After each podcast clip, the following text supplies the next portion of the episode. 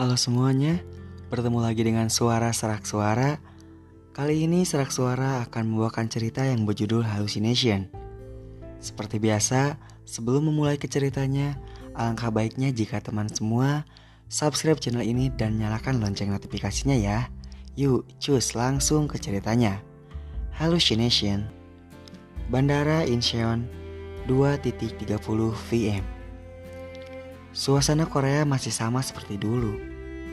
Tidak pernah berubah dan tidak akan pernah berubah.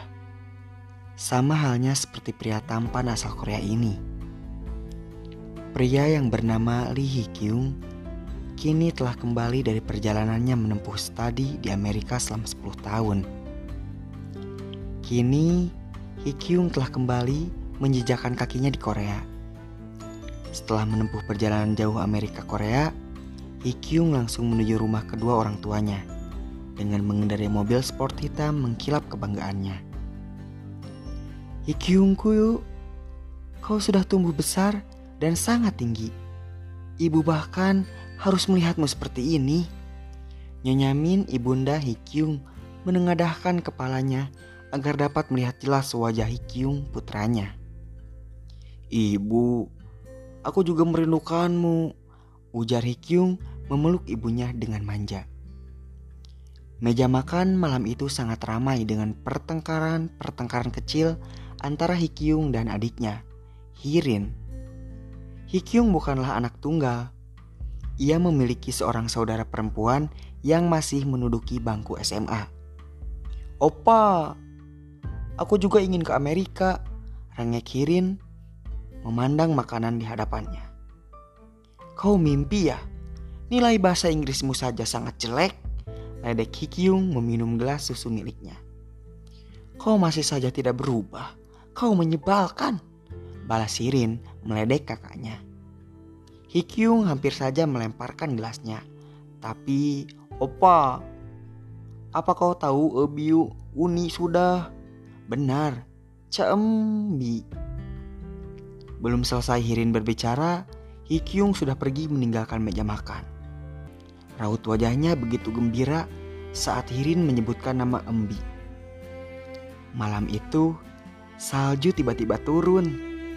Meski tidak lebat, tapi tetap saja mampu membuat cuaca malam sangat dingin. Sejak sore hari tadi, Hikyung berkeliling dengan mobil kebanggaannya untuk mencari seseorang yang bernama Cha Enbi. Dan akhirnya, Hikyung menepikan mobilnya di pinggir jalan di seberang taman kota. Di mana aku harus mencari dia? Enbi, di mana kamu? Hikyung rupanya mulai putus asa mencari sosok Enbi. Tapi tiba-tiba matanya melihat seorang di atas ayunan di sekitar taman seorang gadis yang sangat mirip dengan sosok gadis yang sedang dicarinya. Ya, benar sekali, Cha. Gadis di atas ayunan itu terus saja menunduk. Gadis itu tidak memakai mantel maupun pakaian panjang di saat turun salju seperti ini. Gadis itu hanya memakai dress putih selutut. Rambut panjangnya dibiarkan terurai, berantakan, karena tertiup angin. Titik-titik salju yang mengenai kepalanya tiba-tiba saja terasa berhenti. Gadis itu mendongakkan ke atas. Sebuah payung melindungi kepalanya. Dan tentu saja, seorang pria tinggi yang memegang payung itu.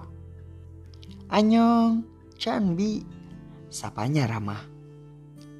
Enbi langsung bangkit dari ayunannya dan berjalan mendekati Hikyung. Sudut matanya sedikit berair. Mbi seperti akan menangis saat melihat Hikyung. Kau, Li Hikyung? Apa kau Li Hikyung? Hikyung mengangguk dan meraih tangan Mbi untuk menyentuh wajahnya. Hikyung merasa ada sesuatu yang janggal pada diri Embi. Tangannya sangat dingin sedingin es. Wajahnya begitu putih dan sangat pucat. Hyung merasa sedikit sangat ketakutan saat menatap kedua bola mata Enbi yang begitu hitam pekat. Tanganmu dingin sekali, ucap Hikyung. Cepat-cepat Enbi menyembunyikan kedua tangannya di balik punggung. Hikyung yang gentle langsung melepaskan mantelnya dan memakaikannya di tubuh Enbi. Hikyung membawa Enbi ke kafe di seberang taman dan mereka sama-sama memesan secangkir kopi panas untuk sekedar menghangatkan kerongkongan mereka. Sedari tadi, Embi terus saja menatap Hikyung. Bahkan, sedetik pun Embi tidak pernah melepaskan penglihatannya dari wajah Hikyung. Kenapa kau terus menatapku seperti itu? Tanya Hikyung yang rupanya tersipu malu dengan pandangan Embi. Tidak, Aku hanya ingin melihatmu lebih lama. Suara lirih Embi membuat Hikyung semakin tersipu malu. Hol, rupanya pria tampan zaman sekarang memang sudah gila. Ngapain dia ngomong sendiri dari tadi? Cerocos seorang wanita yang bertugas menjaga kasir sambil terus memperhatikan Hikyung yang sedang tersenyum-senyum. Embi melepaskan mantel Hikyung yang melekat di tubuhnya dan mengembalikannya pada Hikyung. Kau bisa kembalikan itu lain kali. Tidak, ini milikmu. Ada sedikit rasa kecewa dalam hati Hikyung. Tapi Hikyung memaksakan tersenyum. Besok ayo kita ketemu lagi, ujar Hikyung. Hmm, Embi hanya mengangguk dan menatap kepergian Hikyung dengan mobilnya. Setelah mobil Hikyung melaju agak jauh, barulah Enbi meninggalkan tempat itu dengan menghilang seperti asap. Sudah seminggu yang lalu pertemuan pertamanya kembali dengan Enbi.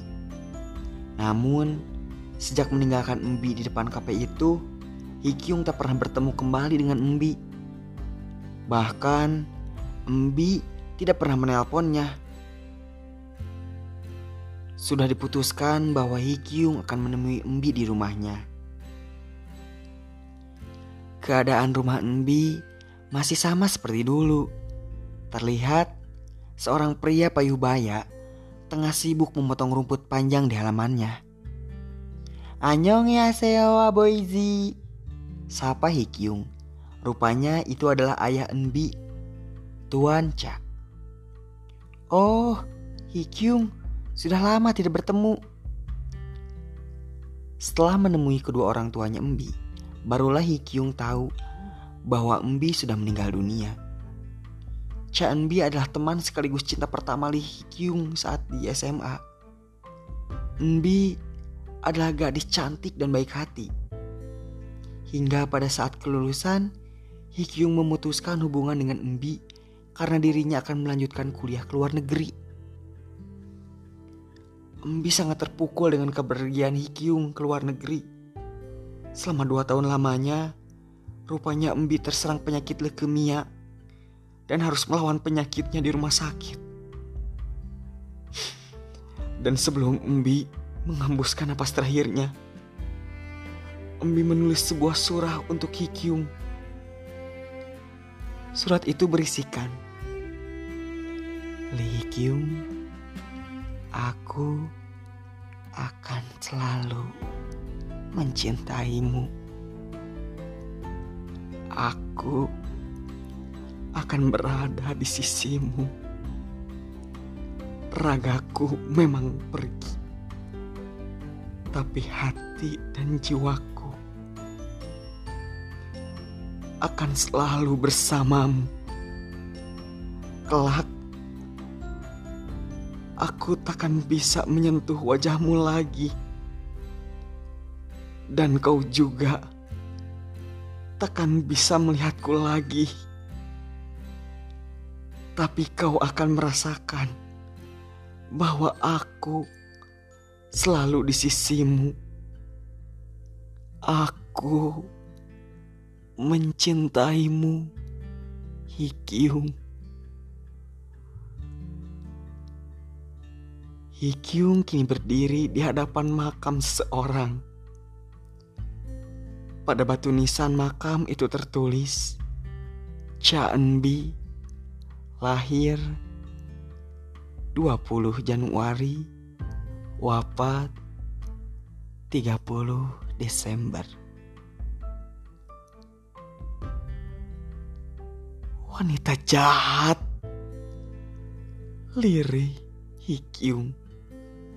Akhirnya Hikyung pun tak kuasa menahan tangisnya. Hikyung menangis memeluk nisan Chanbi. Tanpa bisa dilihat namun bisa dirasakan. Sosok ruh Enbi yang dikelilingi cahaya putih ikut menangis dan memeluk Hikyung. Terima kasih. Jangan lupa untuk tinggalkan subscribe di channel ini ya. Dan nyalakan lonceng notifikasinya supaya ketika nanti suara serak mengirimkan video baru, kalian langsung bisa menontonnya. Bye bye, terima kasih.